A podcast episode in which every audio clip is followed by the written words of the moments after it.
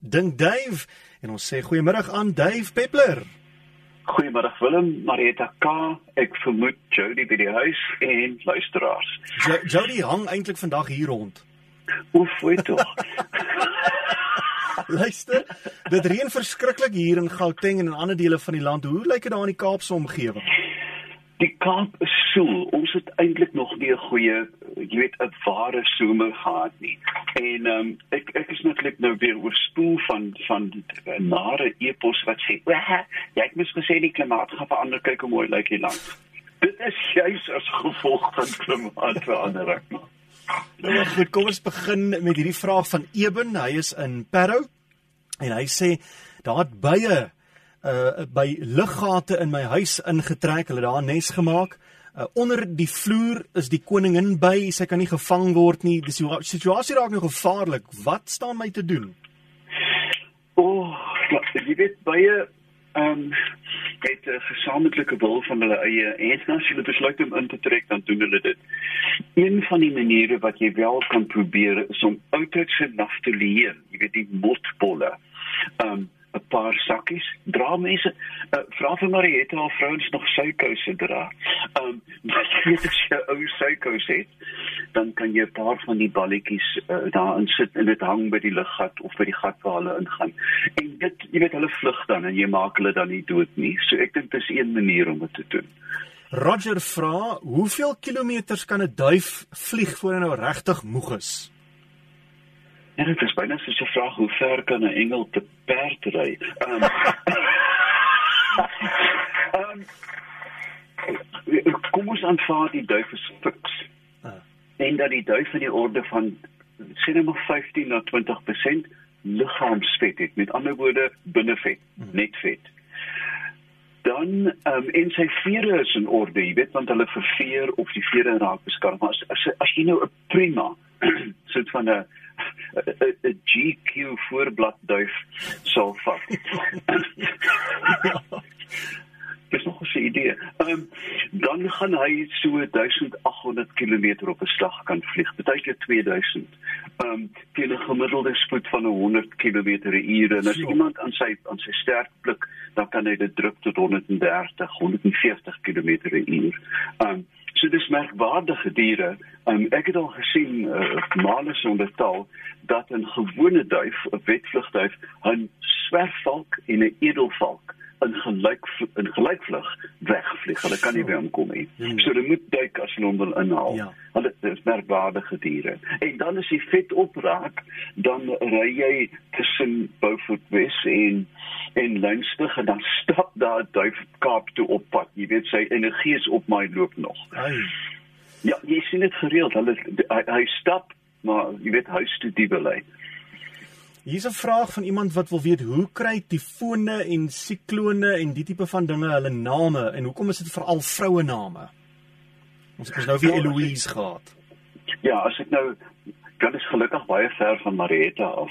Ehm um, maar in elk geval ehm um, ons sal dit nou eers by E. Dit is eenvoudig 'n internasionale uh, nomenklatuur en ek dink daar is 'n beskrete aantal gebiede, uh, die Atlantiese siklone, die Stille Oseaan, die Indiese Oseaan. En um, ek kan nie ek kan nie presies sê hoekom dit vroue name doen hoofsaaklik is nie, maar dit is een is alfabeties en dit streeksgebonde. Hmm. Hier is Ben in die Weskus en hy vra hoe lank kan visante en tarantale sonder water klaarkom? Daar's baie in ons omgewing, maar daar's nie uh, noodwendig vars water nie. Ja. Kyk, uh, vir al visante, tarantale in 'n mindere mate, maar visante ehm um, is grabers. Hulle eet bolletjies, eintjies, die bolle van sierings en dit goed is 80% water. So as hulle kan grou, dan uh, kan hulle oorleef vir dae aan een. Tarantale dink ek moet byna daagliks drink. Jy sien, jy weet in in die dorre dorre Etosha dat hulle van die horison afvlieg om saans te kom drink. Ehm uh, hoe ver kan ek nou nie die fout sê nie, maar dit hang baie af van hulle dieet. Kyk insekte as de, as daar ertworms is, die goed is 80 90% water. En ja. gevolglik hoef hulle dan daai ek weet in in daardie ehm um, voedingsvak nie te, nie te drink nie. Is dit amper soos 'n mens wat ehm um, wat nou sê sê vir hom kyk jy mag nou nie water drink nie maar hier's vir jou 'n klomp waterlemoen dan gaan jy daarom 'n klomp vog uit daai waterlemoen uitkry is dit so tipe ding absoluut. Kom ons kyk nou hierdie een van Henny Viljoen en hy sê immigreer alle swaalkies en ander migrasie voel sodra die winter kom of bly sommige van hulle in Suid-Afrika? Ah dis 'n baie interessante vraag. Die migrasie van migrerende organismes en dit sluit nou skoenlappers en swaalkies wat ook al in word bepaal deur daglengte. Alle diere insluitende ons het 'n ingeboude horlosie, die sogenaamde sirkadiaanse horlosie. Met ander woorde, dit bepaal wanneer jy gaan slaap, wanneer jy opstaan, hoekom jy ernstige straalbaal kry as veral as jy nie na die ooste toe vlieg, uh, na die weste word dit net 'n lang dag. In elk geval, hierdie horlosie is baie delikaat en dit kan deur spanning, voedseltekort, uh, 'n hele aantal dinge kan dit omvergewerk word. Ek weet vir 'n feit dat ek dit vir 15 of meer jaar die klein rooi valk bestudeer wat van sover as Mongolië na Wellington toe vlieg. Of so bekende Wellington. Mm. Nou, um, die aankoms van hierdie diere is gebuffer deur die voeding op pad. Met ander woorde, as dit lekker gereën het en koels weg, dan's baie springplanne, gaan hulle vir 'n week later in Wellington aankom. Maar ek kan jou byna waarborg met die terugvlug. Sê nou maar daar 6000 voels binne 3 dae vlieg die hele lot terug, want die geologie in die kop het gesê die daglengte die op die lig van die daglengte het nou 12 uur um 43 sekondes bereik en skielik skop diegene in en dan gaan hulle terug. Nou en dan, nou en dan bly 'n gewone individu agter. Ons vind dit met um wespedief in in Kaapstad. Nou wespediewe kom uit hoofsaaklik uit uit uh, Skandinawië, maar van hulle vlieg so ver as Tokai. Hulle kom elke jaar by 'n vlieg daar of wespe dan. En nou en dan bly een agter. Maar um, ons weet eintlik nie hoekom nie. Jy weet dit is soos walvisse wat strand. Ons kan nie 'n onderhoud voer gesê hoekom ja. het jy gebly nie. Um met ander woorde uh, dit is met enkele uitsondering dat een of twee sal agterbly, maar hulle bly nie funksioneel agter in die sin dat hulle aanhou nes maak en broei gewoonlik nie. Katrein vra, hoe lank kan die koronavirus buite die liggaam lewe? Ek wens ek het dit geweet. Uh, daar is 'n hele aantal studies aan die gang en ek dink dat daar is 'n hele aantal parameters wat mense in die algemeen met virusse kan voorspel. Wat is die temperatuur? Jy weet uh, die sê maar jy dieselfde vrylaat in die troepe op Kampala, um, of jy doen dit in Reykjavik in IJsland en dan kan 'n mens beslis weet die IJslandse virus gaan nie so lank hou soos die een in Kampala nie. Wat is die wat is die substraat? Met ander woorde is dit op vel metaal glas uh, lap? Ehm um, derde vraag sou wees wat is die heersende temperatuur? Hmm.